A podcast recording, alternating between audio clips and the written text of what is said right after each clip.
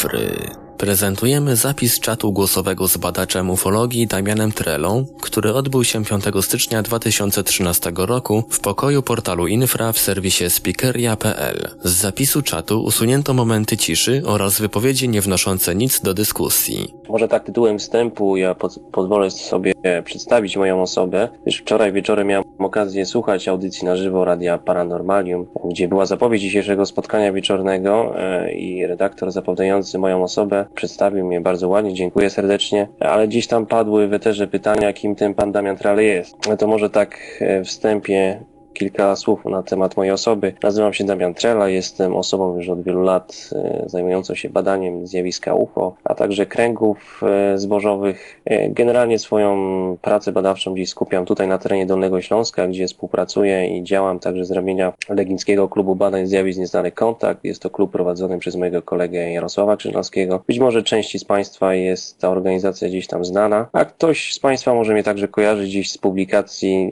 z literatury specjalistycznej gdzieś tam z czasów periodyka czasu UFO, świata UFO, pisałem także do magazynu UFO, no i gdzieś tam sporadycznie pojawiałem się na łamach Nieznanego Świata i Czwartego Wymiaru, tak więc oprócz działalności badawczej zajmowałem się też publicystyką. To tak tyle tytułem wstępu na, moje, na temat mojej osoby. No właśnie, ja też Pana witam jeszcze raz bardzo serdecznie. Cieszę się, że Pan przyjął nasze zaproszenie. To jest dla nas duża nobilitacja. Cieszę się tym bardziej, że no już żeśmy nawiązali kontakt jakiś czas temu, żeśmy opublikowali Pana materiał materiały bardzo interesujące. Mm, ja tutaj na początku bym chciał tylko zapytać, bo e, pan miał pewną taką przerwę w, e, że tak powiem, e, w cudzysłowie uprawianiu ufologii. Czym to było spowodowane? Czy to było związane z jakimiś sprawami, nie wiem, być może osobistymi, czy po prostu pewnym zniechęceniem tematu? Może ja pozwolę sobie sprostować, bo już tutaj internauci sugerują pewne kwestie. Otóż, no niestety z przyczyn zawodowych musiałem opuścić nasz kochany rodzimy kraj gdzieś w 2000 2006 roku i faktycznie przebywałem za granicą parę dobrych lat, nie mając czasu niestety na poświęcenie czasu swoim pasjom, ale od niedawna jestem z powrotem w Polsce i jakby to powiedzieć złapałem z powrotem bakcyla i można powiedzieć gdzieś tam się reaktywowałem, aktywnie zaczynając działać tutaj na swoim obszarze, ale i nie tylko. No ja myślę, że wiele osób będzie interesować e, to, co związane jest z Wylatowem. Pan był e, jednym z takich bardziej aktywnych osób, które zajmowały się tym tematem. Jak pan się odnosi do tego z perspektywy lat, e, do tego wszystkiego, co działo się wtedy właśnie w Wylatowie? Faktycznie miałem przyjemność gościć w Wylatowie kilkakrotnie na przestrzeni lat 2002-2005, gdzie praktycznie można powiedzieć to były początki e, jakieś tam zaaranżowane badań e, w tej niewielkiej miejscowości w województwie kujawsko-pomorskim. Mogę powiedzieć, że faktycznie udało mi się zebrać bardzo pokaźny materiał jakiś badawczy. Generalnie skupiałem się tam na relacjach świadków różnych obserwacji UFO. Faktycznie jest to pewna skarbnica e, różnych zdarzeń.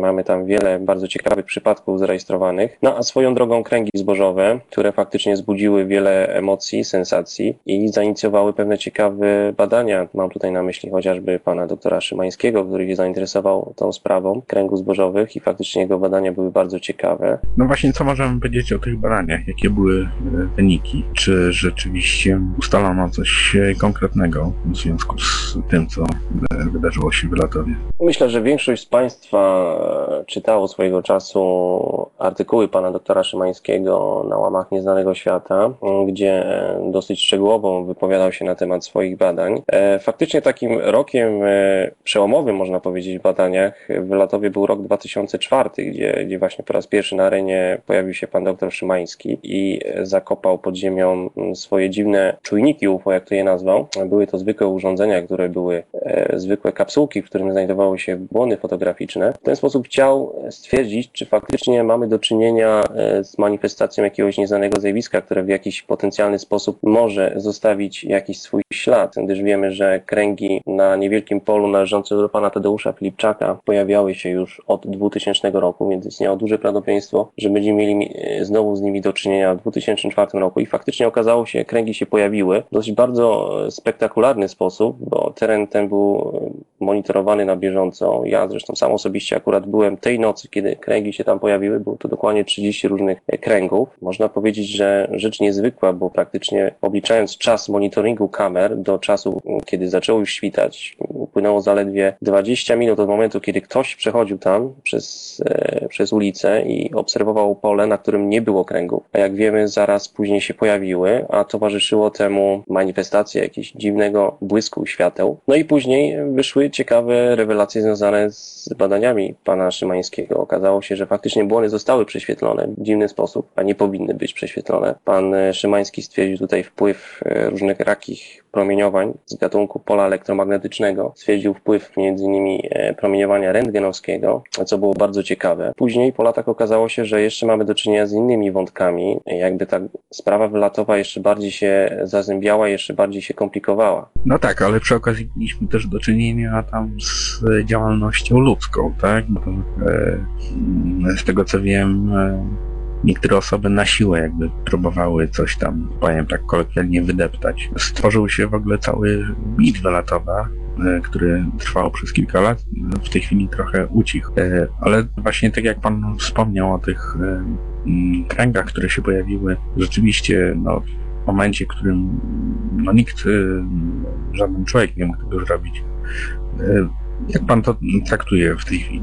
Znaczy, jak pan to ocenia? Patrząc faktycznie na, patrząc faktycznie na, mm, na wylatowo, jakby z perspektywy czasu, e, muszę powiedzieć, że gdzieś tam moje stanowisko odnośnie tego, co się tam wydarzyło na przestrzeni tych lat, troszeczkę się zmieniło. Mm, Wcześniej byłem bardziej otwarty, uznając kręgi zbożowe, jakie się pojawiały, wszystkie tam praktycznie za autentyczne, no za wyjątkiem dwóch, chociażby tego, który się pojawił e, w roku 2003 e, obok pora pana Tadeusza Filipczaka, który bez wątpienia był e, fałszywką i był dziełem jakichś cropmakerów, ale nie da się ukryć, że w całym zjawisku był bardzo wyraźnie akcentowany czynnik ludzki. Jestem teraz skłonny powiedzieć, że jednak część albo zdecydowana większość kręgów była jednak dziełem człowieka. Swojego czasu wtedy funkcjonowały pewne grupy cropmakerów, które już nabrały dosyć dużej wprawy, jak koledzy z Anglii i pokazali faktycznie duży pokaz e, swoich umiejętności. E, Ktoś tutaj może się ze mną sprzeciwić oczywiście, jednak to nie wyklucza samo w sobie, że Oprócz tego, że kręgi mogły być dziełem człowieka, przynajmniej większość z nich, i tak miały miejsce manifestacje różnych dziwnych zjawisk, które w tym momencie, na tym etapie nie jesteśmy w stanie w sposób racjonalny wyjaśnić. Aczkolwiek kręgi, które pojawiły się 2004 roku, które badał pan Szymański, do dzisiaj dla mnie pozostają osobiście zagadką no, i nie znajduję jakiegoś racjonalnego wyjaśnienia, mimo tego, że miałem okazję wchodzić do tych kręgów jako jedna z pierwszych osób i z mojego punktu widzenia, dotychczas miałem jakąś wiedzę wyrobioną na temat kręgów, że krąg prawdziwy, tak umownie nazywając, jest, e, powinien być co do zasady idealny w swoim wyłożeniu. Jednak tutaj w tym przypadku mieliśmy do czynienia wręcz, z chaosem. Pan Szymański pisał e, w Nieznanym Świecie, że e, zauważył pewne anomalie w kłosach zboża. Ja osobiście nie zauważyłem ich. Były raczej w większości połamane. Jednak okoliczności powstania tych kręgów budziły moje wątpliwości i do dzisiaj budzą. Jednak patrząc na okoliczności powstania innych kręgów, wydaje się, że jednak mieliśmy do czynienia z czynnikiem ludzkim. No właśnie, bo mm, tu pan mm, wspomniał o tym, o tych dziwnych też zjawiskach, jak rozumiem, świetnych.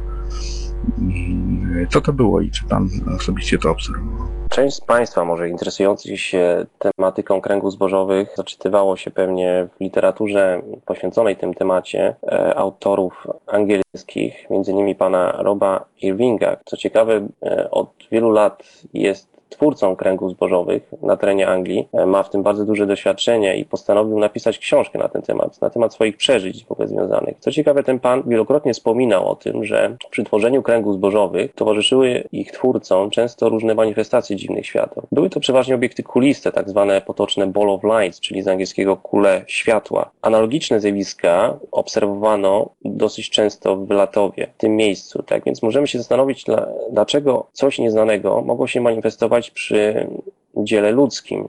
Jest to naprawdę kwestia, która budzi wiele pytań, ale oprócz tego w Latowie obserwowali, wielu świadków obserwowało, można powiedzieć, obiekty typowo, wręcz klasyczne, ufologiczne. I to jest też druga strona medalu w ogóle tego, co się działo tam na przestrzeni tych paru lat. Ponieważ ja w przeciągu tych paru lat udało mi się zebrać około 30-40 bardzo ciekawych przypadków obserwacji, można powiedzieć, klasycznych, ufologicznych, obiektów dyskoidalnych, cygarokształtnych. Myślę, że relacje te były bardzo wiarygodne, bo ci ludzie, w większości mieszkańcy małych wiosek, mieli bardzo znikome pojęcie się na temat literatury ufologicznej, w ogóle tematyki ufologicznej. Natomiast opowiadali o zdarzeniach, które wręcz jak ula opasowały do zdarzeń, przypadków opisywanych szeroko w literaturze ufologicznej. Panie Damianie, tu jest pytanie z e, czatu e, tekstowego. Czy jest znana panu relacja doktora Szymańskiego dotycząca manifestacji fizycznego obiektu technicznego? W nawiasie nie ma samych świateł, e, której pan Szymański podobno był świadkiem. E, Otóż pozwolę sobie udzielić odpowiedzi na to pytanie, gdyż miałem przyjemność rozmawiać bezpośrednio z panem doktorem Szymańskim na temat e, tego faktycznie zdarzenia, którego był on świadkiem wraz ze swoim synem.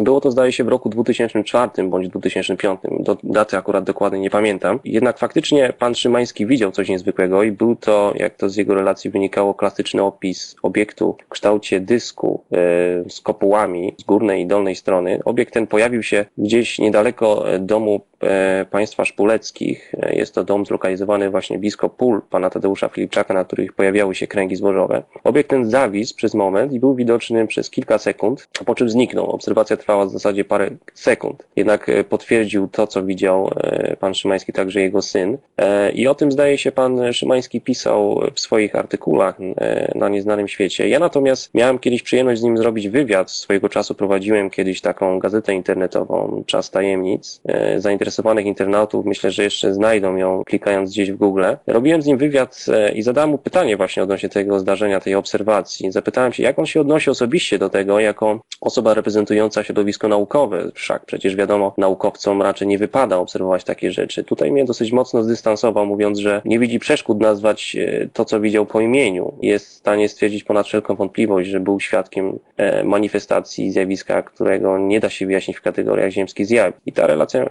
ta jego wypowiedź mi się bardzo podobała, gdyż pokazał to, że potrafi być otwarty na, na wszystko, co badał e, w Latowie. Pozwolę sobie przekazać tutaj pytanie z czatu tekstowego. Użytkownik Macoszka pyta, mam następujące pytanie, co sądzi pan o rzekomej katastrofie UFO pod Węgorzewem i słynnej obserwacji UFO w Nadarzycach? Może tak, nie wiem, czy moja wiedza jest na tyle właściwa. E, Jeśli chodzi o zdarzenie w Węgorzewie, to zdaje się była faktycznie domniemana katastrofa, którą badał swojego czasu pan Bronisław Rzepecki i pisał o nim, e, o tym zdarzeniu w czasie UFO. Obiekt, który podobno się gdzieś rozbił na terenie jednostki wojskowej i zdarzeniu tym uczestniczyły, przejęciu tego obiektu uczestniczyły niby jednostki wojskowe. Ja natomiast, y, no, jest to zdarzenie, które zdaje się pan e, Rzepecki odzyskał od jednej osoby, nie miał potwierdzenia jakby tego całego zdarzenia z innych źródeł, więc myślę, że bym zachował raczej powściągliwość w wypowiadaniu się, czy mamy tutaj do czynienia z jakimś autentycznym zdarzeniem, czy też był to zwykły humbug. No tutaj ciężko powiedzieć. Ja generalnie stronię od wypowiadania się w kwestiach związanych jak tematyce w ogóle związanej z katastrofami UFO, e, gdyż no tutaj w większości przypadków, przynajmniej jak mówimy o tych takich znanych katastrofach e, na świecie, które rzekomo miały miejsce gdzieś przeważnie w Stanach, e, myślę, że w większości one znajdują swoje racjonalne wyjaśnienia i były to mm, raczej, no nie to, co o czym myślimy. E, Jeszcze wracając do drugiej części pytania ostatniego słuchacza, czy coś mi wiadomo na temat zdarzenia w Nadarzycach, zdaje się padła taka informacja. Faktycznie kojarzę, takie zdarzenie miało miejsce, ono dawno, dawno temu, chyba w 1994 roku. Była to dosyć spektakularna obserwacja, bo dotyczyła właśnie zdarzenia ob- obserwacji obiektu nad jednostką wojskową w Nadarzycach. E, Obserwowało to wielu wojskowych oraz e, wielu cywilów. Obiekt wisiał dosłownie nad budynkami, zmieniał kształty. Później, z tego co mi wiadomo, e, pobliskiej piły zostały wysłane e, samoloty na przechwycenie tego obiektu, które się zakończyły niepomyślnie. Generalnie informacji na temat tego zdarzenia ze strony wojskowej oczywiście jest niewiele, natomiast z tego co mi wiadomo jest bardzo dużo relacji cywilnych, mieszkańców okolicznych, którzy widzieli to zjawisko E, i z całą pewnością możemy mówić, że mieliśmy tutaj do czynienia z autentycznym zdarzeniem, których jest faktycznie niewiele tego typu zdarzeń z terenu Polski. Także jest to taki swoisty rodzynek w ogóle, na, jeśli chodzi o kroniki polskiej ufologii. No właśnie to zdarzenie w Narzy- Nadarzycach jest e, dosyć problematyczne. Ostatnio dostajemy dużo zapytań w tej sprawie. Mieliśmy swego czasu artykuł na ten temat, który został wycofany na prośbę autora, pana Mariusza Fryckowskiego, który e, jednocześnie wycofał materiały wideo, które e, opublikowaliśmy z bliżej nieokreślonych powodów, a, a tym samym cała publikacja nie miała specjalnego sensu, bez tych materiałów wideo, bo one były kluczowe. Tutaj nie, nie chcę się zagłębiać już w nadarzyce, bo to jest dosyć skomplikowana sprawa, ale właśnie, który z przypadków w Polsce, nie mówię tylko o tych, którymi Pan się zajmował bezpośrednio, ale ogólnie, który Pana zdaniem jest najciekawszy? Może nie mówmy o Emilcinie, bo o Emilcinie wszyscy wiedzą, ale coś innego? E, może ja coś w takim razie, to jest takie dosyć no, trudne pytanie, określić, który przypadek był najciekawszy, a który nudny i nie wnosi nic nowego. Myślę, że no, każde zdarzenie, każda relacja wnosi coś ciekawego do sfery poznawczej, jakim jest zjawisko UFO. E, może ja w takim razie przytoczę pewne zdarzenie e, tutaj ze swojego podwórka, które swojego czasu badaliśmy wspólnie z kolegą z Jarkiem Krzyżanowskim. To było zdarzenie, już dosyć miało miejsce dawno temu, tutaj na terenie Dolnego Śląska, w Szklarskiej Porębie, w roku 94 bodajże. Dwóch turystów którzy przebywali w tym czasie w na, na terenie Szklarskiej Poręby, mm, było świadkami niezwykłego zdarzenia. Wracając późną porą wieczorną z e, pobliskiego pubu do swojego hotelu, połowie drogi mniej więcej spobił ich, e, spobił ich jasny snop światła. Powiedzmy, nazwijmy umownie tych świadków pan S i pan T. W pewnym momencie jednego z tych świadków, pana T, snop światła zaczął ściągać na górę i zniknął.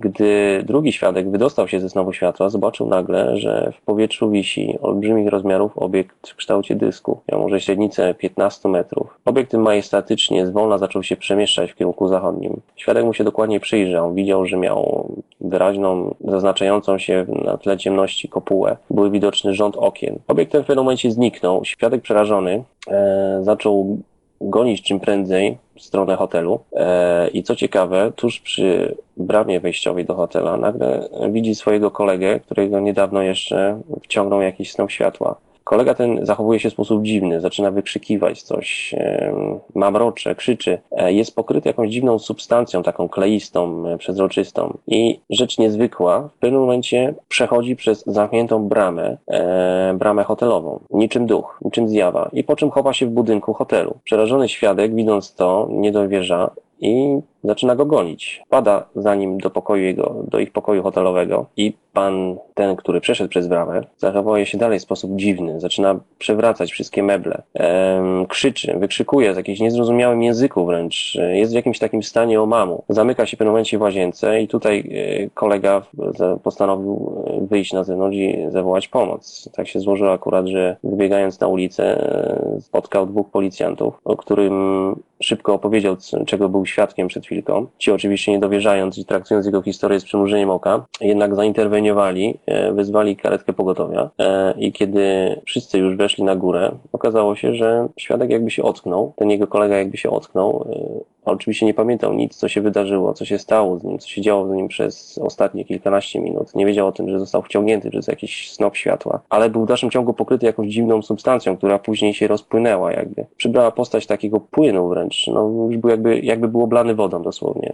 Co ciekawe, później okazało się, że obydwaj e, pamiętali doskonale, o której godzinie opuścili e, bar. Była to mniej więcej godzina gdzieś 19.30, była to też pora jesienna, więc było już ciemno, późna pora jesienna. Natomiast odcinek, jaki pokonali od pubu do e, hotelu to jest mniej więcej odcinek półtora kilometrowy, tak więc mogło im to zająć co najwyżej 30 minut. Natomiast na ich zegarku było grubo po godzinie 21. Tak więc w dziwnych okolicznościach stracili ponad 40, jak nie godzinę czasu. No myślę, że to taki jeden z takich spektakularnych, dziwnych zdarzeń. Tutaj trudno powiedzieć, co się wydarzyło faktycznie z tym jednym ze świadków, który został wciągnięty. My mieliśmy przyjemność rozmawiać z nimi z osobna. Każdy z nich relacjonował szczerze to, co widział. E, I myślę, że relacje obu były bardzo spójne e, i mamy tutaj do czynienia z czymś naprawdę ciekawym. No, dosyć bardzo ciekawe ciekawa, bardzo interesująca historia, proszę pana, ale niech pan mi powie, skoro oni zawołali pomoc policjantów i na pewno pogotowi, czy tą, e, jak to się nazywa, tej materii, które były przyklejone i szybko jak zmieniła w płyn, nie dało się zbadać, wziąć nawet próbka z tego?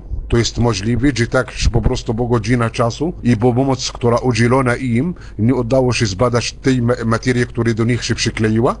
No właśnie, ciekawe pytanie. Ja w ogóle, z, e, że tak powiem, zaciekawieniem słuchałem, słuchałem tej historii, bo to jest y, strasznie ciekawe, ale dlaczego to nie jest opisane nigdzie? Panie Damianie, nie widziałem relacji szczegółowej z tego. Było pisane, bo jest to sprawa stara. Pisał o niej mój kolega Jarek Krzyżanowski w czasie UFO. Jeśli ktoś e, czytał ten e, kwartalnik, to na pewno w którymś ze starych numerów znajdzie artykuł na ten temat. Co do, co do pierwszego pytania, to e, faktycznie dlaczego e, nikt z pomocy medycznej, ze e, służby medycznej nie, nie sprawdził, czym tak naprawdę był pokryty ten świadek.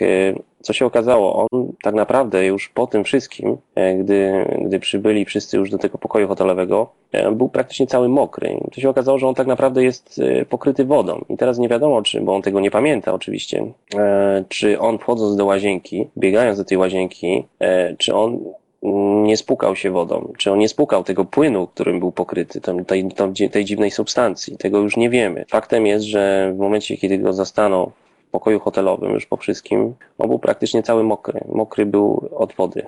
No tak, to faktycznie muszę odnaleźć to, e, tę relację, bo to musiałem gdzieś e, przegapić.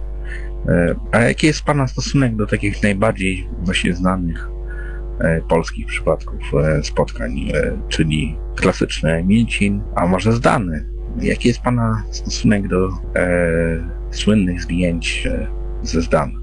A ja pozwolę sobie przekazać e, pytanie od słuchacza Radia Paranormalium. Jak pan sądzi, jaka manifestacja UFO w całej swojej historii może być brana za pewniak? Jakie zdarzenie jest najbardziej wiarygodne? I co pan sądzi o domniemanych wizytach istot pozaziemskich na Ziemi? Co do wracając do zdarzenia w Emlicinie, no to chyba już na ten temat e, bardzo wiele było powiedziane.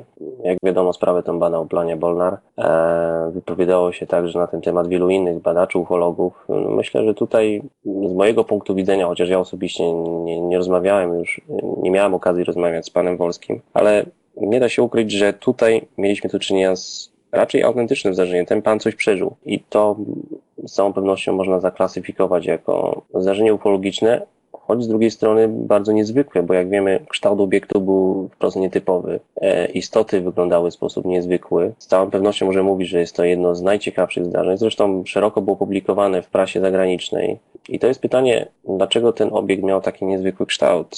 E, I tutaj bym być może tak chcąc nie chcąc napomknął, że faktycznie to zjawisko e, potrafi przyjmować różne kształty, przyjmować wręcz mimikrę, dostosować się do, naszych, e, do naszego sposobu postrzegania rzeczywistości. Może to jest takie kontrowersyjne i mocne to, co mówię, ale myślę, że w tym przypadku mogliśmy tak mieć, że to coś by dostosowało się do wyobrażeń e, obserwatora, uczestnika tego zdarzenia. Y, Tak, a y, czy podano jaki promil y, miał we krwi alkoholu ów świadek? Rozumiem, że pytanie dotyczy mm, zdarzenia ze Szklarskiej Poręby. Otóż z tego, co mi wiadomo, po przybyciu e, lekarzy nie przebadano świadka pod kątem spożycia alkoholu. Jednak z rozmowy ze świadkami e, wiadomo, że faktycznie obydwaj wypili po jednym piwie. No i teraz być może dla niektórych e, można to uznać za już dyskredytujące, jeśli chodzi o ich wiarygodność. Myślę, że jednak w tym przypadku możemy jednak mówić o czymś autentycznym, ponieważ relacje obydwu świadków były bardzo spójne i faktycznie przeżyli coś niezwykłego i być może to piwo jednak e, w jakimś stopniu nie wpłynęło tak mocno na ich percepcję. Ja wam powiem, ja wierzę e, w kosmitów, jak to się mówi, bo dlaczego? Bo to nawet logicznie i matematycznie z tego wychodzi, że, e, że przecież jest tyle gwiazd, nie? Tyle układów planetarnych, tyle galaktyk. To życie musi istnieć, musi istnieć. Nawet jeszcze człowieka, Ziemi jeszcze nie było, a już, e, a już istniało życie na jednym układzie planetarnym, także to jest normalne. Kiedyś może to nie było normalne i, i kiedyś się podpierano tym, że, że to jest ten e, sprawa Boga, nie? Bo nie umiano kiedyś tego wytłumaczyć. Ja tu tak się wsłuchuję, nie wiem o co chodzi, prosiłem o linka w ogóle tego wydarzenia, ale dlaczego na przykład e, oni, on, on wodą się zmył, tak, to substancję wodą zmył, ale ja nie wierzę w to, że to tak można tak idealnie wszystko zmyć wodą, że nie zostanie e, śladowej ilości tej substancji. No ja się dziwię, że nie porobili jakichś e, badań na ten temat. Ja Zastanawiam się, jak to jest w pewnej religii, gdzie się mówi tak Ojciec Twój niebieski mieszka w niebie. Niektórzy malują go na chmurce z brodą siłą, czyli białą. Czemu przykład Bo- Boga nazywa się Ojciec Niebieski? Czy od słowa niebo i słowo niebieski od, do tego, że jest niebieskie niebo dla niektórych i, i niebieski jest kojarzony z niebem, chociaż powszechnie wiadomo, że niebo jest czarne. Wszechświat jest czarny, tylko promienie słoneczne podają to, że my od, od dzięki pewnym załamaniom światła widzimy niebo jako niebieskie i białe obłoki to jest para wodna, tak? Ja mam pytanie do gościa, bo byłem kiedyś na stronie paranormalne, czy, znaczy nie paranormalne, ale chyba nie wiem co to sama strona, czy jakaś inna, paranormalum. I tam był pewien film Zeitgeist i chciałbym, no tak, widzę, widzę, Radia Paranormal. Czy, mam pytanie do gościa, czy mógłby odpowiadać na pytania związane z filmem Zeitgeist? I jeśli tak, to czy zastanawiał się nad tymi znakami horoskopu w tym filmie, co poszczególne znaki oznaczają, poza tymi trzema wymienionymi, jak e, byk, baran, ryby, wodnik, znaczy cztery i zastanawiał się nad tymi innymi, innymi znakami zodiaku, co mogłoby oznaczać. Ja może jeszcze się tam chwilowo odniosę do tego, co tutaj pan wcześniejszy mówił.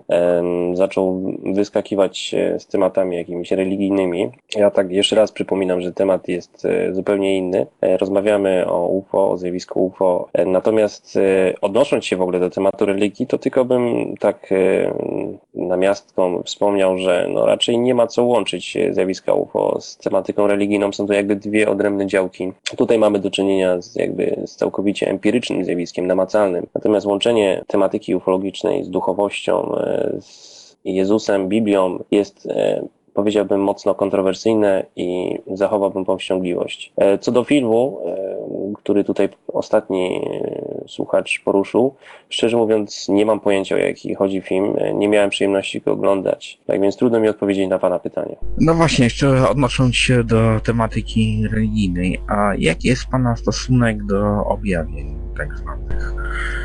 E, bowiem, no cóż, no, e, Fatima, jak wiadomo, jest e, takim sztandarowym przykładem tego, że mm, nie do końca mamy tutaj do czynienia z czymś ulotnym, tylko być może z czymś właśnie materialnym. Mówię tutaj na przykład o cudzie słońca. Czy mm, może pan coś powiedzieć na ten temat? Tak, ja też mam takie pytanie do, do gościa Damiana, tak? E, Jak można powiedzieć w ogóle, że, że właśnie łączenie religii z, z tym, z tematyką ufologiczną jest jakieś, w ogóle nie powinno się tak robić i tak dalej. O czym mówi księga Enocha? Jest taka księga Enocha, jest to w sumie najstarszy, najstarszy dowód na właśnie e, manifestację UFO. Jest tam dokładnie Enoch opisuje o tym, że szukał sobie owieczki, szukał szedł i sobie znalazł, nagle przyleciało do niego UFO. Jest dokładny opis e, statku kosmicznego, jest dokładny opis, jak to wszystko wyglądało i tak dalej, co w ogóle można, można przesunąć właśnie do, e, do tego, że tak jak w tej chwili niby ludzie opisują w ogóle te swoje widzenia UFO i tak dalej, nie? E, ja tego w ogóle nie neguję, bo sam raz byłem świadkiem pewnej manifestacji, o czym mówiłem ileś razy już, ale nie będę opowiadać tej historii, bo to jest bez sensu, żeby tu ją opowiadać. Mm, ale, ale właśnie chodzi o to, że nie zgadzam się z tym. Właśnie religia jest bardzo ściśle połączona w ogóle z e, widzeniami UFO, czy z extraterrestrials i tak dalej. E, może nie wszystko, ale dużo rzeczy tak, więc e, polecam przeczytać sobie Księgę Enocha i tyle, nie? Ja oczywiście nie kwestionuję tego, że w Biblii możemy znaleźć informacje na temat UFO.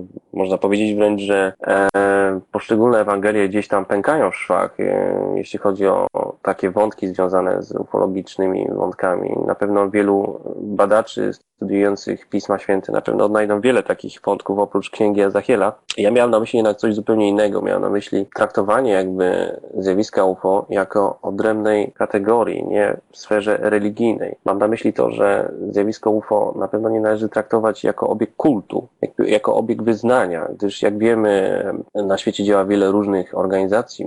Czasami są to organizacje pseudoufologiczne, które właśnie gdzieś w swoim statusie działalności doszukują się właśnie sfer sakralnych, sfer jakichś religijnych w tym zjawisku i zaczynają kultywować, łączyć te elementy ze sobą. Ja traktuję to zupełnie osobno. E, Jestem osobą bieżącą. Nie kwestionuję tego, co jest w Biblii, bo nie da się ukryć, że w Biblii, jak i w wielu innych e, starych pismach znajdziemy te wątki, ale nie można traktować e, UFO jako religii z tego względu, że jest to już przejaw typowo sekciarstwa powiedziałbym wręcz. Natomiast odnosząc się do Fatimy i w ogóle objawień, to oczywiście abstrahując od tego, że nie jest to tak naprawdę moja jakaś tam dziedzina poznawcza, którą, na którą mam jakąś, jakiś duży zasób wiedzy, ale jak wiadomo Fatima jest oficjalnie uznana przez, e, e, przez Kościół jako autentyczne zdarzenie, gdzie faktycznie mieliśmy do czynienia z objawieniami. Jak wiadomo wszystkie inne objawienia, no wszystkich innych objawień gdzieś tam znanych w historii, Kościół odnosi się w sposób sceptyczny i ich nie uznaje. Przyznaje taki programowy sceptycyzm. Em, wielu, wielu, wielu badaczy e, analizujących Fatimę właśnie pod kątem ufologicznym faktycznie doszykuje się gdzieś w tych wątkach e, tematów e, ufologicznych, że postać Białej Panny, którą widziało, widziała trójka dzieci, mogła być istotą pozaziemską. Pokaz dziwnych, dziwnego zjawiska na niebie w postaci wirującego słońca, które obserwowało setki, jeśli nie tysiące ludzi, wtedy też w jakimś stopniu przypomina zjawisko UFO, ale myślę, że tylko w jakimś stopniu. Ja osobiście traktowałbym to e, jako zupełnie odrębne zagadnienie, które niekoniecznie mogło być faktycznie jakimś objawieniem. E, Mogło być manifestacją jakiegoś nieznanego zjawiska, e, mogło być jakimś omamem. Trudno mi powiedzieć, ale na pewno raczej zjawisko UFO nie manifestuje się w ten sposób. Tak, swego czasu kiedyś objawiła się w Egipcie, proszę pana, tam skąd pochodzimy, to znaczy z tamtych okolic, ja przynajmniej. Okazało się, że przywódca kościół dał chłopak po drugiej stronie, jak to się nazywa po polsku, heligraf czy coś takiego, otworzył po prostu piktogram z Fatymą, bo wiedzieli, się objawniła, ale złapali go, ale ja chciałem zapytać panu o co innego. I Proszę pana, jakie jest ciekawe zdarzenie, które pan sam zarejestrował? Pan sam zarejestrował i proszę mi powiedzieć, czy pan znalazł przypadkiem w tym miejscu na przykład, przypadkiem, czy było planowane to miejsce na tej badanie wcześniej? I jakie są zeznania świadków w tym? Czy są jedna, mniej więcej jednakowi, czy są różni? Są różni. Czy ufologia to jest zjawisko paranormalne? Bo ja na przykład nie traktuję tego jako e, jakieś paranormalne zjawisko, tylko zjawisko normalne, bo to już jest zjawisko normalne dla mnie, tak?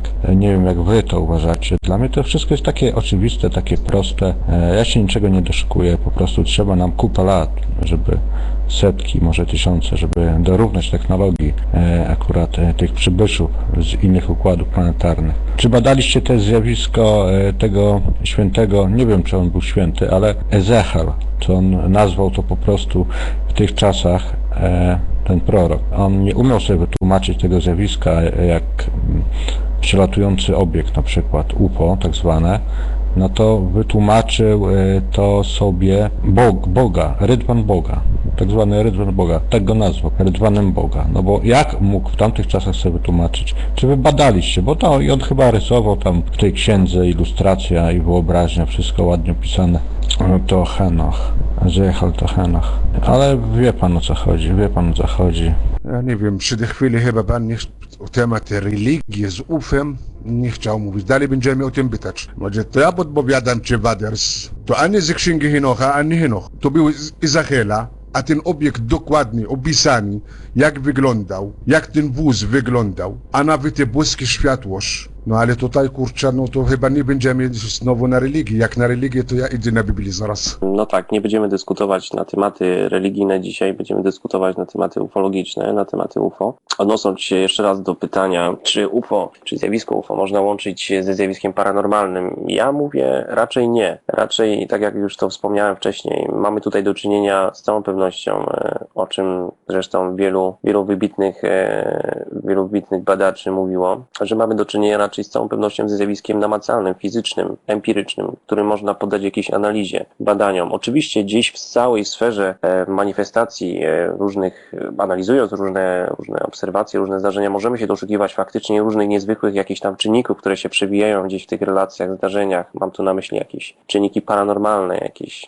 anomalie czasowe. Często się też mówiło w relacjach, obserwacjach ufologicznych o czymś takim jak czynnik OS, czyli o zanikaniu jakby otoczenia rzeczywistości, o tym, że obiekty te potrafią przyjmować różne kształty. Myślę, że jednak mamy tutaj do czynienia z tak wysoko zaawansowaną e, techniką, wiedzą, która kryje się za tym zjawiskiem, że nasze pojęcie mm, świata nas otaczającego jest jeszcze bardzo znikome i jeszcze będziemy długo, długo potrzebowali czasu, aby pojąć i zrozumieć mm, znaczenie albo interpretować w sposób jasny i zrozumiały to, co się kryje za tym zjawiskiem, jednak z całą pewnością możemy mówić, że jest to zjawisko empiryczne. Na czym polega praca ufologa? Ja nie, nie wiem tak do końca. Czy, czy ufolog e, powinien znać e, kwestie na przykład e, no, techniczne, czyli musiałby sobie teoretycznie na przykład e, wytłumaczyć, teoretycznie oczywiście mówię, e, na jakiej zasadzie poruszają się obiekty z tak dużą prędkością, e, może jakoś, tele, jakoś tele, jakaś teleportacja, e, czy napęd e, nad, e, większy od prędkości światła, bo ja, czy, czy jak to w ogóle wygląda? No, od sprawy technicznej. Ja nie wiem, no rozbija się UFO, tak? No to bierze się, e, czy takich ufologów się wpuszcza, czy wy jesteście dopuszczeni do tego, czy to tylko taka teoria, teoria, bo ja nie rozumiem, na przykład roz, e, rozmawialiśmy wcześniej, ten pan został jakąś substancją oblany, nie? No to przecież jak ja bym był ufologiem, no ja bym od razu, e, on nie mógł tego spłukać, na 100%. Te badania powinny być w laboratorium, e, bo to się nie da z wodą spłukać na 100% jakiejś substancji. e, powinno go się po prostu przebadać, milimetr po milimetrze tam ta substancja by była. Dlaczego tego nie zrobiono? Nie ma na to żadnych dowodów, dwóch świadków tylko, tak? Coś widzieli, coś widzieli. Dla mnie to nie jest e, argument żaden. E, Dokładnie, no Darion jeszcze przypomnij sobie, że w tej opowieści oczywiście UFO miało okna. Bo wiadomo, że jak jest technologia taka bardzo, bardzo wyprzedzająca w ogóle technologię ziemską, pozwalająca na przemieszczanie się z, z wielką prędkością, także zaburzanie w ogóle fizyki i po prostu transportowanie i będąca z innego e, ogólnie układu słonecznego i w ogóle z innej planety, e, no to UFO musi mieć okna. E, to jest najważniejsza rzecz, bo UFO musi mieć okna. Ja po prostu nie wiem, no po prostu w, w tej opowieści UFO miało, w ogóle było bardzo zaznaczone to, że UFO miało okna. No bo przecież UFOki muszą mieć jak oglądać w ogóle Ziemię, no to muszą mieć do tego okna. UFO musi mieć okna, no i tyle. Nie zapominaj o tym, Darion, to jest e, najważniejsze. Jeżeli będziesz widział jakiś obiekt i nie będzie miał okien, to to nie może być UFO. No bo musi, muszą być okna, no. Nie, no ale mogą mieć, no ale czego nie? Ja wiem, że to jest aluzja węzu, ale na przykład jak ja bym był, dla kogoś ja bym był kosmitą, bo ja ląduję na przykład na planecie innej, nie? Tam są jakieś formy życia, no to ja jestem dla nich kosmitą, czy oni są dla mnie kosmitami, bo ja już nie wiem. Ja jestem dla nich kosmitą. Oni są tam e, nie ziemianami, tylko tam nazwa, naz, nazwa planety Jojo. A dla mnie to są joj, oni są jojokami, a ja jestem e, dla nich kosmitą, nie? Chciałbym mieć okno. Co innego patrzeć przez kamerę i przez monitor coś obserwować, a co innego patrzeć przez okno, no, swoimi pięknymi oczami. Nie, no żartuję, ale nie, więc ja wiem, że to jest aluzja, ale mogą mieć, dlaczego nie?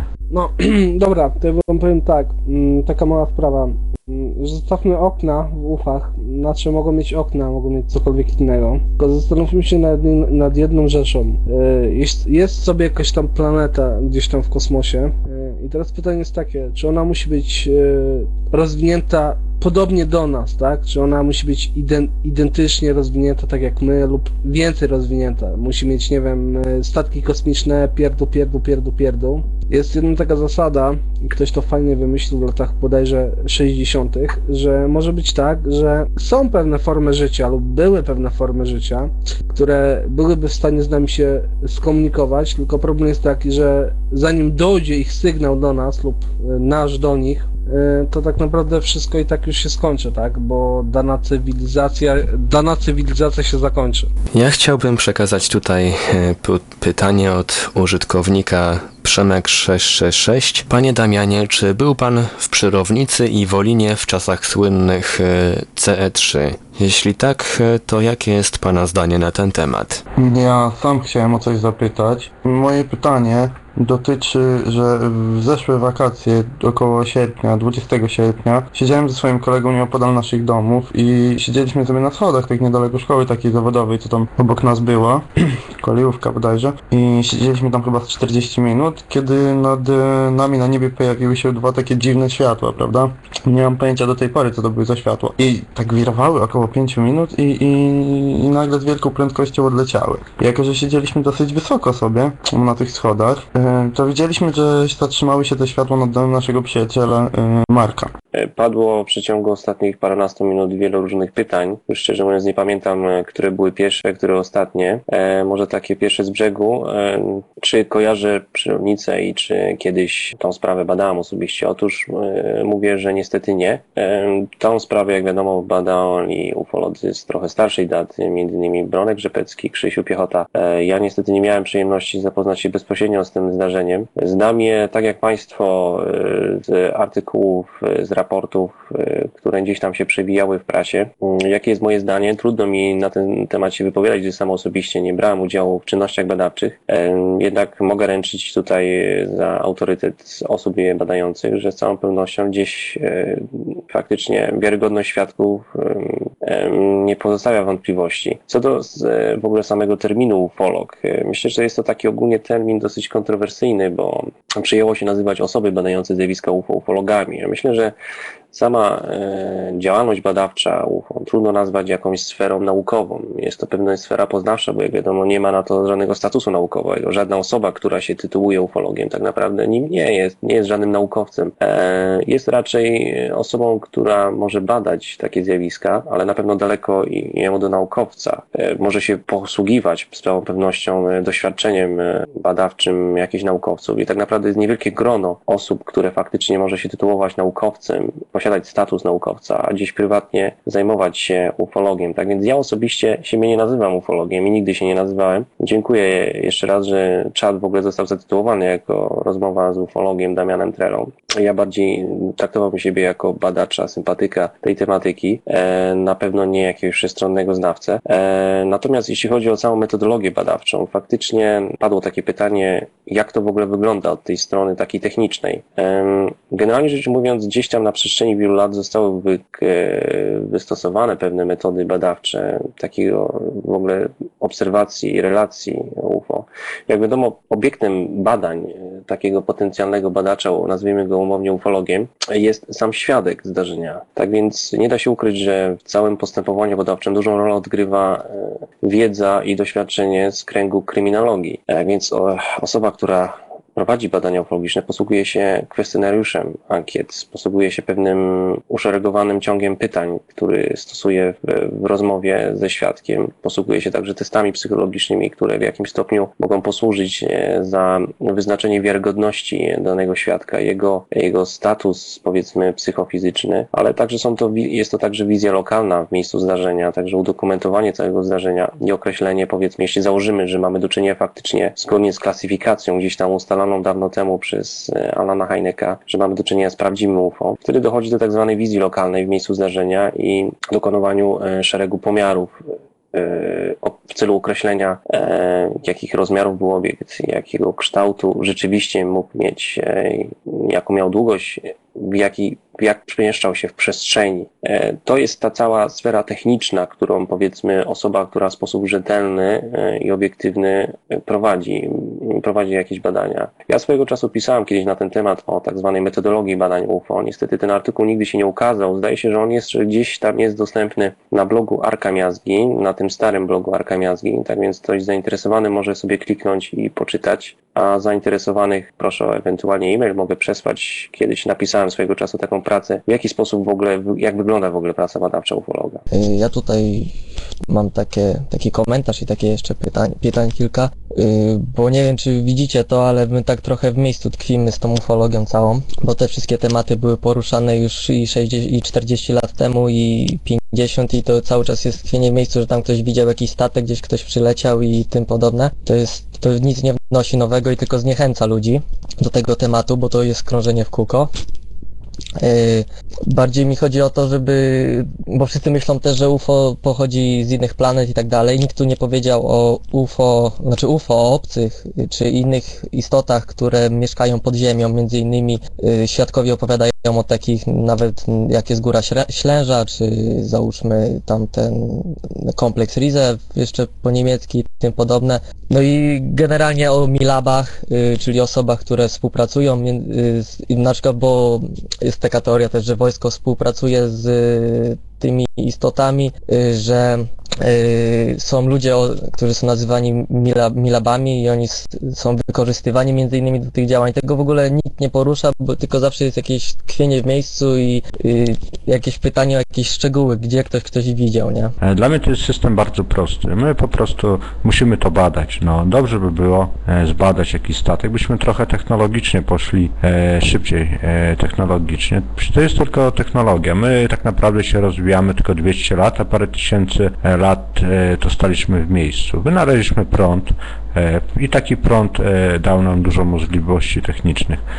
I my chcemy, już byśmy chcieli wszystko wiedzieć, już byśmy chcieli latać do innych układów planetarnych, ale nie, bo to jest oddalone na przykład o 100 lat świetlnych, nie najbliższe, czy tam o 40 lat świetlnych, zbrakłoby nam życia. Ale my już obaliliśmy przecież Einsteina. E, prędkość światła nie jest prędkością e, szybszą, najszybszą. Na przykład są foton, taki poruszający się foton z prędkością światła nie jest, nie węzu, bo e, te przecież cząstki, nie pamiętam jak one się nazywają, neutrina. Neutrina, dobrze powiedziałem? Neutrina? Nie chcę się googlować, one są szybsze. Nie, nie, były błędem. Oj węzu, teraz błędem, później nie błędem, no. E, Ja mam mm, jedno pytanie dla naszego gościa od e, osoby, która tutaj jest na naszym czacie.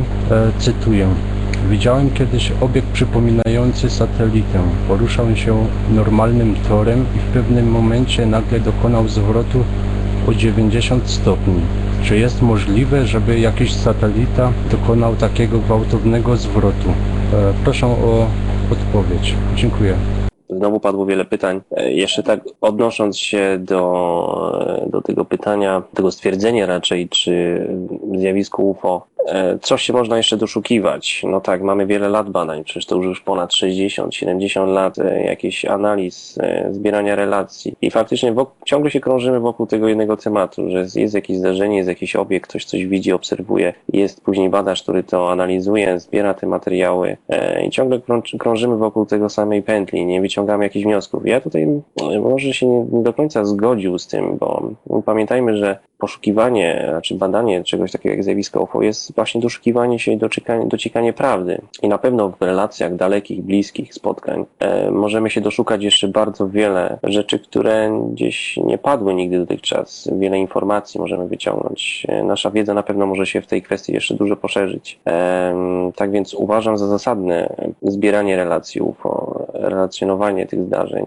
nagłaśnianie ich wręcz, e, bo jest to nam potrzebne, a nawet chociażby do tego, żebyśmy sobie uświadomili, że taka rzecz ma miejsce, jak właśnie pojawianie się takich dziwnych zjawisk na niebie i ziemi e, w naszej przestrzeni, mm, bo nasza świadomość taka ogólna ludzka jest jeszcze bardzo ograniczona, jakby nie zdajemy sobie sprawy z tego, że coś takiego jest, mimo tego, że mamy olbrzymią ilość dowodów na ten temat. I na pewno w samych obserwacjach szczególne znaczenie odgrywają bliskie spotkania drugiego stopnia, gdzie mamy do czynienia z bezpośrednim wpływem zjawiska na otoczenie, gdzie takie zjawisko może zostawić ślady e, jakieś na Ziemi, e, które można poddać analizie. E, z takich zdarzeń, a takich zdarzeń jest w dalszym ciągu niewiele, mimo tego, że mają gdzieś miejsce, między innymi też w Polsce miały miejsce, ale możemy na pewno wyciągnąć wiele, wiele ciekawych informacji i pogłębić naszą wiedzę w tej sferze poznawczej. Ja pozwolę sobie zapytać o taką rzecz, jak układa się Pana współpraca z NPN-em, ponieważ widziałem na stronie projektu NPN npn.org.pl. E, Dużo tekstów Pana autorstwa jest Pan nawet e, przedstawiony tam na tej stronie jako ich współpracownik. Jak e, układa się ta współpraca z NPN-em? Kiedyś byłem zaproszony do mojego kolegi do Berlina i spotkaliśmy właściciela kamienicy, w, którym, e, w której on mieszka. M- Mój kolega mówi, wiesz, ten gość napisał książkę i sobie kupił tą kamienicę za tą książkę. Książka, w książce starał się udowodnić, że na podstawie mm, patentów, jakie istnieją i dostępnych nam e, technologii, znanych technologii, można zbudować UFO. Taka, taka mała wersja. Ale jeśli tak myślę o UFO, a zjawisko jest dosyć stare, już pierwsze książki czytałem w latach 70., no i od tego czasu wiele, wiele wody upłynęło w Wiśle. Zastanawiam się, czy te rozmowy ze świadkami i czy te obserwacje dają jakieś wnioski, e, po co oni są. Czy tylko pomachać nam, powiedzieć halo, jest jeszcze więcej niż wy sobie zdajecie sprawę i znikają? Czy można e, wyśledzić cel takich e, m, fenomenów. Ja odniosę się jeszcze do pytania, e, jakie tutaj padło odnośnie e, tej dziwnej współpracy między różnymi organizacjami, różnymi badaczami na terenie Polski. Ktoś tutaj zadał mi pytanie, jak układa się moja współpraca z, z projektem NPN i z organizacją NPN. Otóż faktycznie od jakiegoś czasu widzę, patrzyłem dotychczas na to z dystansem mocnym i staram się raczej dalej patrzeć z dystansem mocnym na to, co się dzieje tutaj na arenie tej polskiej ufologii, że jest dosyć duże skłócenie między różnymi badaczami, co mi się osobiście nie podoba, bo może nie pamiętam starych czasów e, lat 80., gdzie na terenie Polski działało bardzo niewielu badaczy, ale na pewno nie było jakiegoś takiego zwaśnienia między nimi. E, Wręcz przeciwnie, współpraca się bardzo świetnie rozwijała, była pewna wymiana informacji. Nikt się nie prześcigał gdzieś e, w dążeniu gdzieś do jakiejś sławy, pieniędzy, nie doszukiwał się w ogóle w tym e, czegoś, co może mu przynieść jakiś e, zysk materialny, sławę. Raczej starał się dociekać prawdy i zrozumienia tego, co się kryje za tym czymś. Natomiast ja pamiętam na pewno e, koniec lat 90. i gdzieś początek e, 2000, gdzie aktywnie działałem i miło wspominam te czasy, bo na pewno chwaliłem sobie to, że była jakaś taka więź, współpraca między różnymi ludźmi, pasjonatami tego tematu. Była organizacja CBUFOIZA na przykład, która już nie istnieje, a przecież tak wiele zrobiła dobrego na polskiej ufologii. E, Każdy gdzieś tam miał swój wyznaczony obszar działania badawczego, e, zbierał relacje na swoim terenie. Ja to robiłem na, tutaj na terenie Dolnego Śląska, ktoś robił na Podkarpaciu, ktoś inny gdzieś w terenie Gór Świętokrzyskich. E, Szkoda, że faktycznie nie ma na terenie Polski żadnej takiej jednej ogólnopolskiej organizacji, która mogłaby w sposób rzetelny i całkowicie obiektywny zbierać relacje takie z, całe, z terenu całego Polski. Teraz mamy jakiś taki wyścig szczurów. Ja oczywiście od, nie wypowiadam się na ten temat, także jestem raczej otwarty na każdą współpracę. Nie doznałem żadnych jakichś dziwnych nieprzyjemności ze strony kogokolwiek gdzieś tam z NPN czy z innych organizacji. Staram się e, robić to dla ludzi raczej, zbierać takie informacje i prezentować je. E, Nie wchodzę w konflikty, bo nie doszukuję się tutaj, tak jak mówię, jakiejś słabej sensacji. E, Interesuje mnie sam temat generalnie, natomiast współpraca jak najbardziej e, i no nie, nie szukanie jakichś konfliktów. Tak więc jestem bardzo obiektywny i widzę bardzo mile rozwijającą się współpracę tutaj z Infrą. E, Gdzieś tak, tak, że czasami wrzucam swoje teksty na NPN i e, traktuję to całkowicie niezależnie. To ja może przekażę tutaj pytanie, które pojawiło się na czacie, a które niestety gdzieś zaginęło po drodze. Pytanie od e, Draski. Czy polscy piloci wojskowi zgłaszają przypadki takich obiektów e, niezidentyfikowanych? E, No ja tak się składa, że mm, od jakiegoś czasu e, jest mi, mam przyjemność pracowania w branży lotniczej, więc mam niejako styczność z pilotami z racji tego, że pracuję w liniach lotniczych, cywilnych liniach lotniczych i gdzieś tam przez, ze względu na swoje zainteresowania prowadziłem jakiś tam delikatny wywiad środowiskowy, jednak tak jak mówię, jest to bardzo delikatna sprawa, jeśli chodzi o e, mówienie o takich rzeczach jak zjawiska UFO wśród pilotów.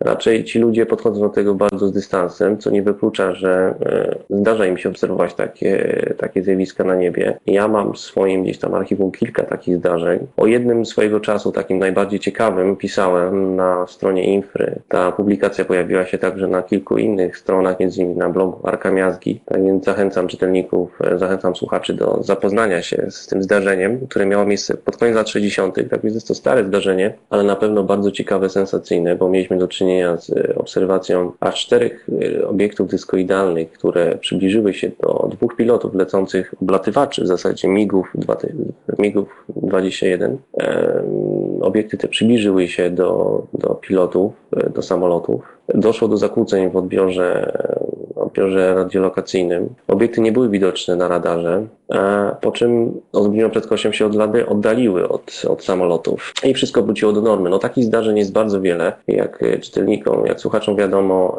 e, swojego czasu takie sprawy badał, e, relacjonował, archiwizował Ryszard Grudman, który no, ma bardzo pokaźne archiwum na ten temat, może się pochwalić naprawdę olbrzymią ilością zdarzeń. Nie da się ukryć, że jednak piloci generalnie no, stronią od takich rzeczy. No, jest to zachwianie jakiegoś autorytetu. O takich rzeczach się nie mówi, chociaż one mają miejsce i pewnie nieraz się zdarzyło, że piloci widzieli coś, ale woleli raczej mm, ominąć to głębokim milczeniem, e, gdyż mogło to w jakiś sposób wpłynąć na ich karierę zawodową. Jest to bardzo delikatna e, sprawa. No właśnie ten e, przypadek, który, o którym Pan e, wspomniał, jest e, bardzo ciekawy, ale też wywołał lawinę pytań, które żeśmy starali się Panu przekazywać, a przede wszystkim tam chodziło o jakieś szczegóły właśnie lotnicze. I to jest ciekawe, że ludzie mm, śledzą jednak takie materiały i, później starają się do nich odnosić. I przy tej okazji to pojawia się pytanie o mm, właśnie sposób zbierania informacji. Jak pan e, to traktuje? Znaczy, e, w jaki sposób pan podchodzi do e, otrzymanych relacji? Jaka jest technika pana pracy? Czy chodzi o spotkanie na przykład bezpośrednie ze świadkiem, czy też chociażby telefoniczne? Jak to wygląda? To może ja w takim razie odpowiem na to pierwsze pytanie. Już tutaj em, wspomniałem gdzieś na tym, jak mniej więcej wygląda praca badawcza, praca ufologiczna. Ja raczej obstaję, chociaż pewnie jest wielu badaczy, którzy stosują metody zbierania informacji listownej, mailowej bądź telefonicznej. Ja i tak staram się dotrzeć do tego świadka, spotkać się z nim bezpośrednio, dokonać rejestracji zdarzenia na miejscu zdarzenia, o ile to jest oczywiście możliwe. Jak wiadomo, nie zawsze jest to możliwe.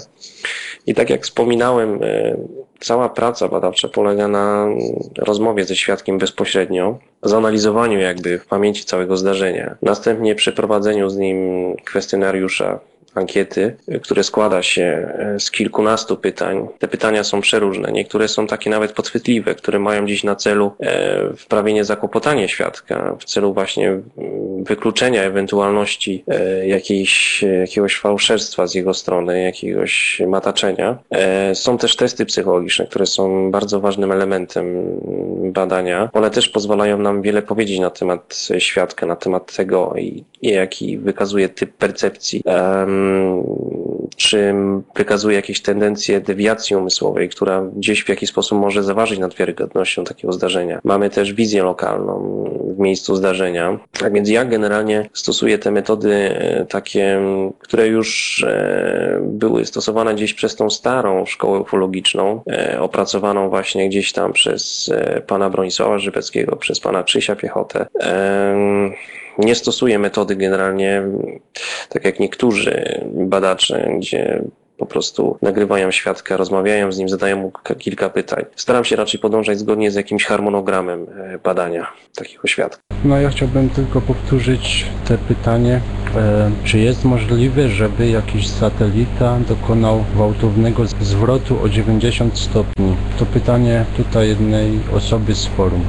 Nie spotkałem się osobiście z, e, z tym, żeby satelita mogła dokonywać jakichś gwałtownych manewrów. Jak wiadomo, satelity poruszają się w linii prostej ruchem jednostajnym. Tak więc jest to raczej coś nietypowego, chyba że mieliśmy do czynienia z jakimś e, innym zjawiskiem. Może niekoniecznie zjawiskiem ufologicznym, ale na pewno satelity się w ten sposób nie zachowują. Przynajmniej ja posiadam taką wiedzę i nie słyszałem o jakichś innych satelitach, które mogą wykonywać gwałtowne manewry. Ja też mam tutaj pytania od e, jednego z użytkowników e, naszego czatu, od Wiknika. E, Chodzi o zastosowanie w badaniu, badaniu czy też swego rodzaju przesłuchaniu świadka regresji hipnotycznej. Jak pan się do tego odnosi? Czy to jest w ogóle mm, zasadne i czy to może przynieść jakiś e, skutek? No cóż, e, regresja hipnotyczna to jest tak, faktycznie temat dosyć kontrowersyjny, bo e, wywołał też wiele złego w ogóle w ufologii. E, Na pewno jestem za tym, żeby stosować regresję hipnotyczną jako pewną metodę badawczą w przypadku świadków, którzy mogli doświadczyć tak zwanego wzięcia, czyli bliskiego spotkania czwartego stopnia, e, z tym, że musi to wykonywać osoba, która faktycznie ma w tym olbrzymie doświadczenie, jest jakimś autorytetem, ma bogatą wiedzę, bo tutaj niestety można bardzo łatwo e, ludzką świadomością, zarzucić e, podczas takiej regresji hipnotycznej świadkowi jakichś e, fałszywych, e, fałszywych obrazów zdarzenia, które później mogą być potraktowane jako autentyczne elementy zdarzenia i wykorzystane w całym późniejszym procesie badawczym. No niestety w Polsce mm, ja osobiście nie znam jakiegoś faktycznie dobrego e, hipnotyzera, osoby, która potrafi, potrafi w sposób profesjonalny prowadzić regresję hipnotyczną. Wiadomo, że swojego czasu kiedyś to Bad Hopkins prowadził, e, miał dosyć spore zaplecze ludzi, którzy faktycznie w sposób profesjonalny potrafili przekona- przeprowadzić takie sesje hipnotyczne. Tak więc no tutaj e, na naszym gruncie, na gruncie polskim e, oczywiście miały miejsce regresje hipnotyczne ze świadkami UFO, tym, że ja raczej bym mocno powątpiewał w, w solidne rzemiosło tych niektórych panów, którzy faktycznie wciągali takich e, świadków e, w stan hipnozy. E, Nie ręczyłbym za ich, za ich solidność i rzetelność w prowadzeniu takiej regresji hipnotycznej. Nie wiem, czy to było to samo pytanie, które, które Rysiek e, Infra odczytał. Ja tutaj od mam troszeczkę inne. E, Czy goście, czyli czy pan Damian Trela zetknął się osobiście z badaniami świadków przy użyciu regresji hipnotycznej? Owszem, gdzieś tam w e, moim archiwum, e, czy też archiwum mojego kolegi Jarka Krzynowskiego, LKPZN Kontakt, istnieją na pewno przypadki, gdzie moglibyśmy się doszukiwać wzięcia na pokład, gdzie mieliśmy do czynienia z jakimś klasycznym przypadkiem C4. E, No z tym, że niestety ja osobiście nie posiadam kontaktu z żadnymi osobami, które w sposób fachowy się zajmują taką dziedziną jak właśnie regresja hipnotyczna. Tak więc wiele takich spraw no niestety nie doczekało się swojego końca, być może mogliśmy się doszukać w tych niektórych zdarzeniach jakichś ciekawych wątków, które, o których świadek niestety nie pamiętał ze zrozumiałych względów. Witam. Y, To, co mówisz, to y, tutaj wielu y, formułowiczów na ten temat dyskutowało i nawet zadawało pytania i, bły- i dawało też tak zwaną, nazwijmy to, bujną wyobraźnią, nawet opierając się na tak zwanych wiarygodnych świadkach, jeżeli chodzi o spotkania trzeciego czy czwartego stopnia. Y, W myśl tylko wyłącznie jednej zasady.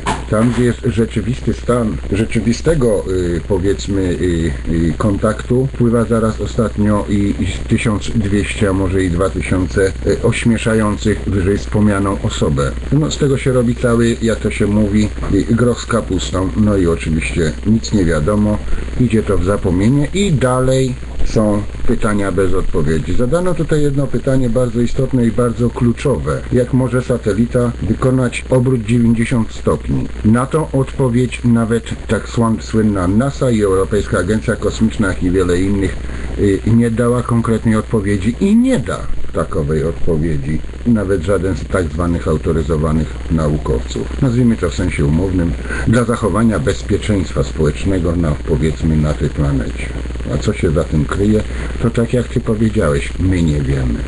O, to ja mam takie pytanie odnośnie, co się dzieje właśnie z osobami, które zostały porwane i jeszcze, bo tutaj też nie było poruszone tego odnośnie jakichś ras tych istot, jakie tutaj przelatują, albo sk- skąd one są i tak dalej. Może coś na ten temat będzie ktoś znał odpowiedź większą. Co do e, raz istot, e, myślę, że no tutaj trudno mi cokolwiek mówić. E, Temat ogólnie jest znany, powszechnie z literatury ufologicznej. Na przestrzeni wielu, wielu lat udało się zebrać wiele relacji na temat różnych, różnych dziwnych istot humanoidalnych, które się gdzieś tam przewijają w tych relacjach. Nie jestem znawcą i specjalistą. Jeśli ktoś jest tej dziedzinie, to chylę czoło nisko. Ile jest różnych ras, czy ile jest różnych rodzajów, gatunków, ciężko mi tutaj powiedzieć, nie jestem znawcą, raczej staram się nie zabierać głosu w takich pytaniach, e, gdyż no, trudno powiedzieć, żebyśmy coś, cokolwiek mogli wiedzieć na ten temat. Świat nauki idzie cały czas do przodu, technologia idzie do przodu, poznajemy coraz więcej nowych faktów, nowych rzeczy, które są ewidentne, a które niektóre, w niektórych wypadkach nawet przeczą wręcz y, zdrowemu rozsądkowi, a jednak takowe rzeczy się zdarzają. Jakie można wtedy zaklasyfikować? Człowiek, który nie będzie wiedział, będzie mówił, że to cud, chociaż ja w te cuda nie wierzę, ze względu na to, iż nieznajomość technologii czyni właśnie takowe cuda. To tak, znaczy poza nawiasem. Mam tutaj do Ciebie pytanie, gościu Infry. I powiedz Ty mi, czy tylko na Ziemi ograniczamy swoje, swoją własną egzystencję jako forma białkowa, czy w pobliżu na przykład y, stratosfery i, i jeszcze wyżej nie występują formy, które zupełnie obce, a które, z którymi nie mamy żadnego kontaktu ze względu na to, iż nasz stopień rozwoju jest y, rozwoju umysłowego i spostrzegania i namacalnych tych zwanych doznań przyczynia się, iż staje się to powiedzmy jako rzeczą niewiadomą, no i oczywiście bardzo mocno ośmiesz, ośmieszaną.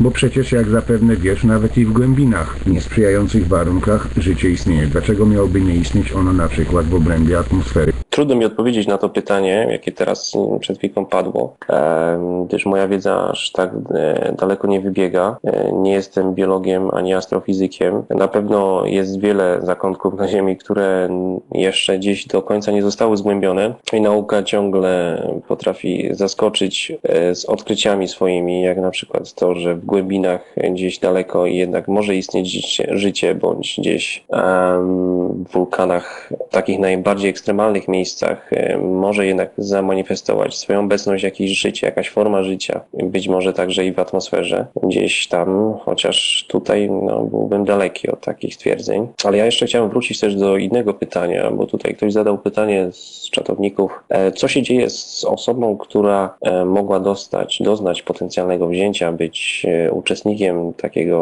zdarzenia. Otóż może się dziać bardzo wiele rzeczy i, i ja przywołuję w pamięci sobie niektóre zdarzenia, że z własnej autopsji gdzieś e, badając jakieś takie zdarzenia miałem do czynienia z pewnym świadkiem, który doznał wręcz e, załamania psychicznego, mm, pewnej e, dewiacji. Skończyło się to wizytą w szpitalu psychiatrycznym. Po prostu nie mógł udźwignąć tego, co się działo wokół niego, co, czego doświadczył. Tak więc e, takie przeżycia mogą być bardzo głęboko traumatyczne i tkwić gdzieś głęboko w ludzkiej podświadomości i przyczyniać się do wielu, e, wielu różnych stanów emocjonalnych. Ja pozwolę sobie tutaj przekazać pytanie od Seraila. Nie wiem, czy- nie pamiętam, czy ono już padło. Jestem ciekawy, jak odbiera się pracę Damiana Treli przez zwykłych ludzi. Traktują pana jako naukowca, czy niebezpiecznego fanatyka, który nie ma co z czasem robić? To jest pytanie od czatownika Seraila.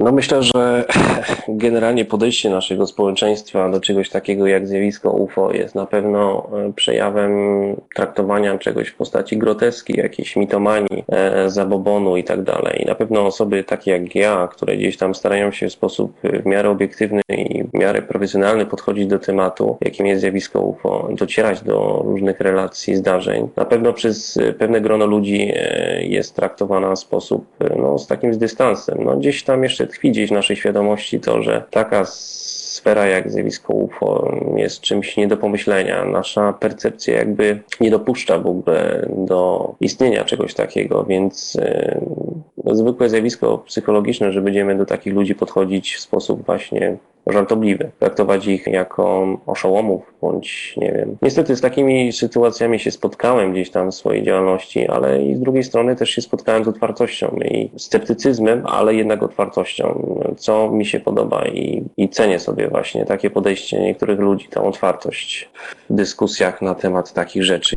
Panie Damianie, będziemy powoli zbliżać się do końca naszej e, jak, jakże niezwykle ciekawej e, rozmowy. Ja jeszcze na koniec tylko zapytam e, odnośnie właśnie tego e, bardzo moim zdaniem ciekawego pańskiego artykułu e, UFO, percepcja i kultura, kultura masowa. W zasadzie jakie jest Pana zdanie na temat zjawiska UFO? Czy to jest rzeczywiście coś, co trochę wymyka się nam, osobom, które tym się zajmują, właśnie z takiego, znaczy każdy by chciał po prostu e, to, naukowo, czy też po prostu perce- percepcyjnie e, przyjąć, e, że no cóż, e, zdarza się, że ktoś czasem zobaczy coś na niebie. Być może są to e, właśnie jakieś dziwne pojazdy i tu, tymczasem się pojawia takie pytanie na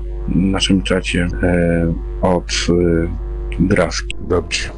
Panie Damian, na pewno pan się spotkał z takim krytyką. Będzie pan spotkał ciąg dalszy z takich ludzi, niech pan tego się nie przyjmuje, ale to nie jest ich wina, tylko wasza wina. Ja teraz podkreślam prost, panie Damian. Wiesz, dużo ilość pomyłek zastosowanych przez naukowcy, mogę ich nazywać tych którzy zajmują ufologię, to mogą tak na, nazywać naukowcy, albo z korzystanie z naocznych świadków, w którym przede wszystkim, przede wszystkim i większość czasy są tu naukowcy albo, no niestety, wojskowi, co oznacza w tym materialny, dlatego inni ludzie na pewno będą tego krytykować cały czas. Jeszcze raz odnosząc się do ostatniego pytania odnośnie mojego artykułu, który się pojawił na blogu Arka Miazgi, a nosił on tytuł UFO, ludzka percepcja i kultura masowa. Pozwoliłem sobie właśnie w tym artykule poruszyć pewne swoje przemyślenia na temat e, tego, co się dzieje obecnie e, z naszą, powiedzmy, świadomością, ogólnoludzką świadomością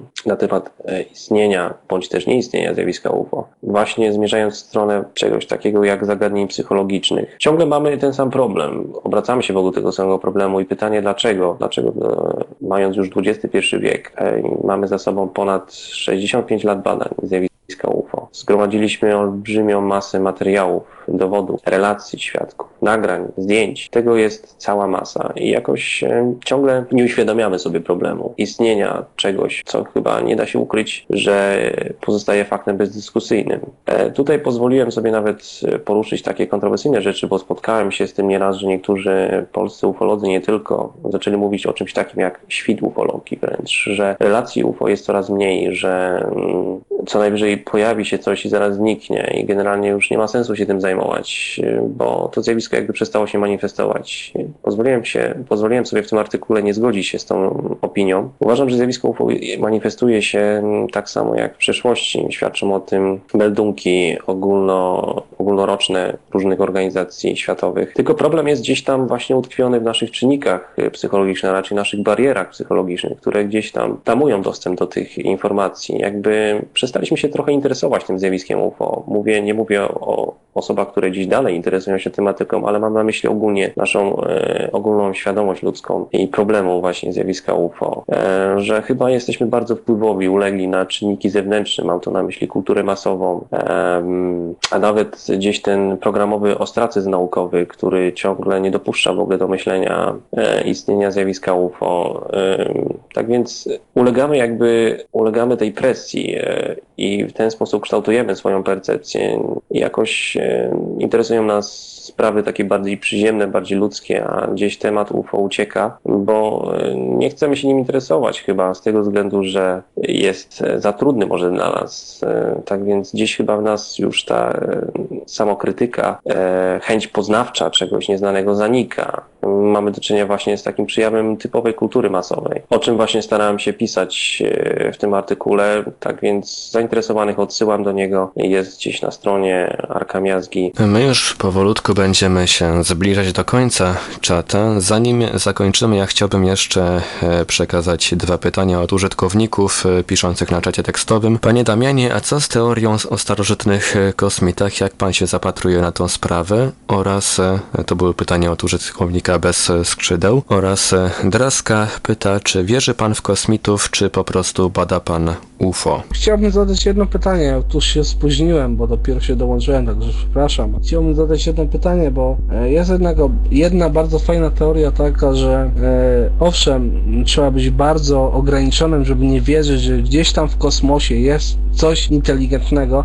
tylko jest jedna z teorii taka, że mm, nasza cywilizacja kontra cywilizacja, która mogłaby z nami się skontaktować, jest albo bardzo nisko osadzona e, w rozwoju, czyli weźmy sobie na to starożytność, albo jest zbyt wysoko osadzona w rozwoju, czyli tak jak my postrzegamy idąc przez las, e, patrząc na gniazdo mrówek, tak? Nie nie wdepniemy w to gniazdo i nie będziemy patrzeć na to gniazdo, jak to gniazdo się rozwija, bo nas to nie interesuje w tym momencie. Jest to zbyt mało rozwinięta rzecz, żeby się tym interesować. I wiele teorii jest właśnie takich, że jest gdzieś tam daleko może cywiliza- cywilizacja, która albo już jest zbyt rozwinięta, albo rozwinie się w momencie, w którym na, nas już nie będzie na świecie, tak? Nasza Ziemia się skończy. I chciałbym się dowiedzieć, jak to wygląda właśnie, e, jeśli chodzi o Pana pojmowanie tej sprawy. Ogólnie rzecz ujmując, tutaj padło słowo jak się odnoszę w ogóle do tematu astronautyki. Otóż e, właśnie wracając jeszcze do tych e, czynników e, kulturowych, czynników naszej ludzkiej percepcji i postrzegania zjawiska UFO,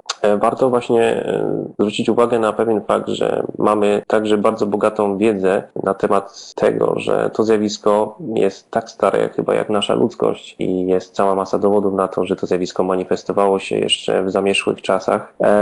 I ja się starałem właśnie o tym napomknąć gdzieś w tym artykule, mm, a, a propos tego właśnie, czy jesteśmy świadomi tego, czy UFO istnieje, czy w ogóle jest obecne w naszej rzeczywistości. E, to swojego czasu problem ten poruszył pewien profesor John Ball e, w swojej rozprawce takiej naukowej na temat tego, mm, dlaczego poszukujemy życia pozaziemskiego i w ogóle czy powinniśmy poszukiwać życia pozaziemskiego. E, otóż stwierdził on, iż e, mając na względzie ogrom wszechświata i naszą jakby cywilizacyjną przepaść, nie da się ukryć, że e, potencjalna cywilizacja taka, która dziś istnieje w naszej przestrzeni, w kosmosie, na pewno będzie wybiegała daleko, daleko poza naszą, e, e, poza, nas, e, poza nasz postęp cywilizacyjny. Tak więc będzie między nami olbrzymia przepaść. Będzie to przypominało właśnie relacje jakby rozmowy zoologa z mrówką w mrowisku. Tak więc niczego ona nie wniesie na pewno.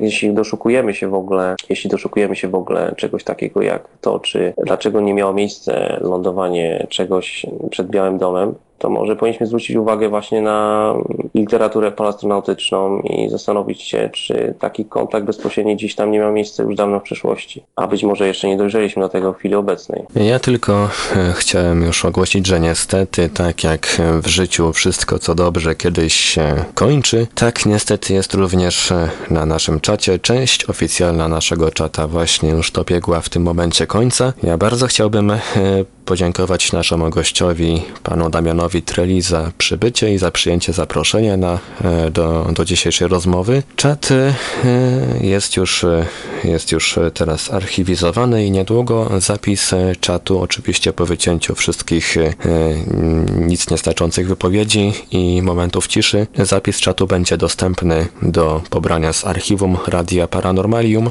na którym czat był transmitowany. Będzie również dostępny do słuchania na forum paranormalne.eu, to jest forum serwisu infra.org.pl, a ja już e, pozwolę, się, pozwolę sobie e, z naszym gościem się pożegnać i dziękuję jeszcze raz za przyjęcie zaproszenia i za niezwykle interesującą dzisiejszą dyskusję. Ja również chciałem podziękować serdecznie za zaproszenie mnie na forum. Dziękuję także wszystkim przybyłym e, na ten czat i na bardzo ciekawą dyskusję, jaka się wywiązała. jeszcze raz zainteresowanych e, gdzieś tam moimi publikacjami odsyłam do internetu. E, a tak tylko tytułem końca wspomnę, że zamierzam, przymierzam się w przyszłości uruchomić gdzieś własny swój blog tematyczny, gdzie będę mógł publikować jakieś swoje na bieżąco prace, artykuły bądź jakieś raporty, o czym na pewno Państwa gdzieś tam poinformuję przez e, stronę bądź blogi moich kolegów. Jeszcze raz dziękuję i spokojnej nocy, dobranoc. E, dziękuję bardzo Panie Damianie, ale oczywiście to nie kończy naszej dyskusji tutaj. Cały czas możemy rozmawiać, bo jest bardzo dużo osób. E, w każdym razie, jeśli e, by Pan wyraził taką ochotę, jak przed chwilą Pan powiedział co do stworzenia bloga, to my jesteśmy bardzo chętni do pomocy. Także ma Pan tutaj w nas swoich przyjaciół, jak najbardziej. No ale cóż, Rzeczywiście oficjalny e, czat się skończył, ale to też nie jest koniec e, dyskusji. Cały czas mamy tutaj możliwość e, rozmowy o właśnie tych zjawiskach, o których pan Damian wspominał, także dyskusja się nie kończy.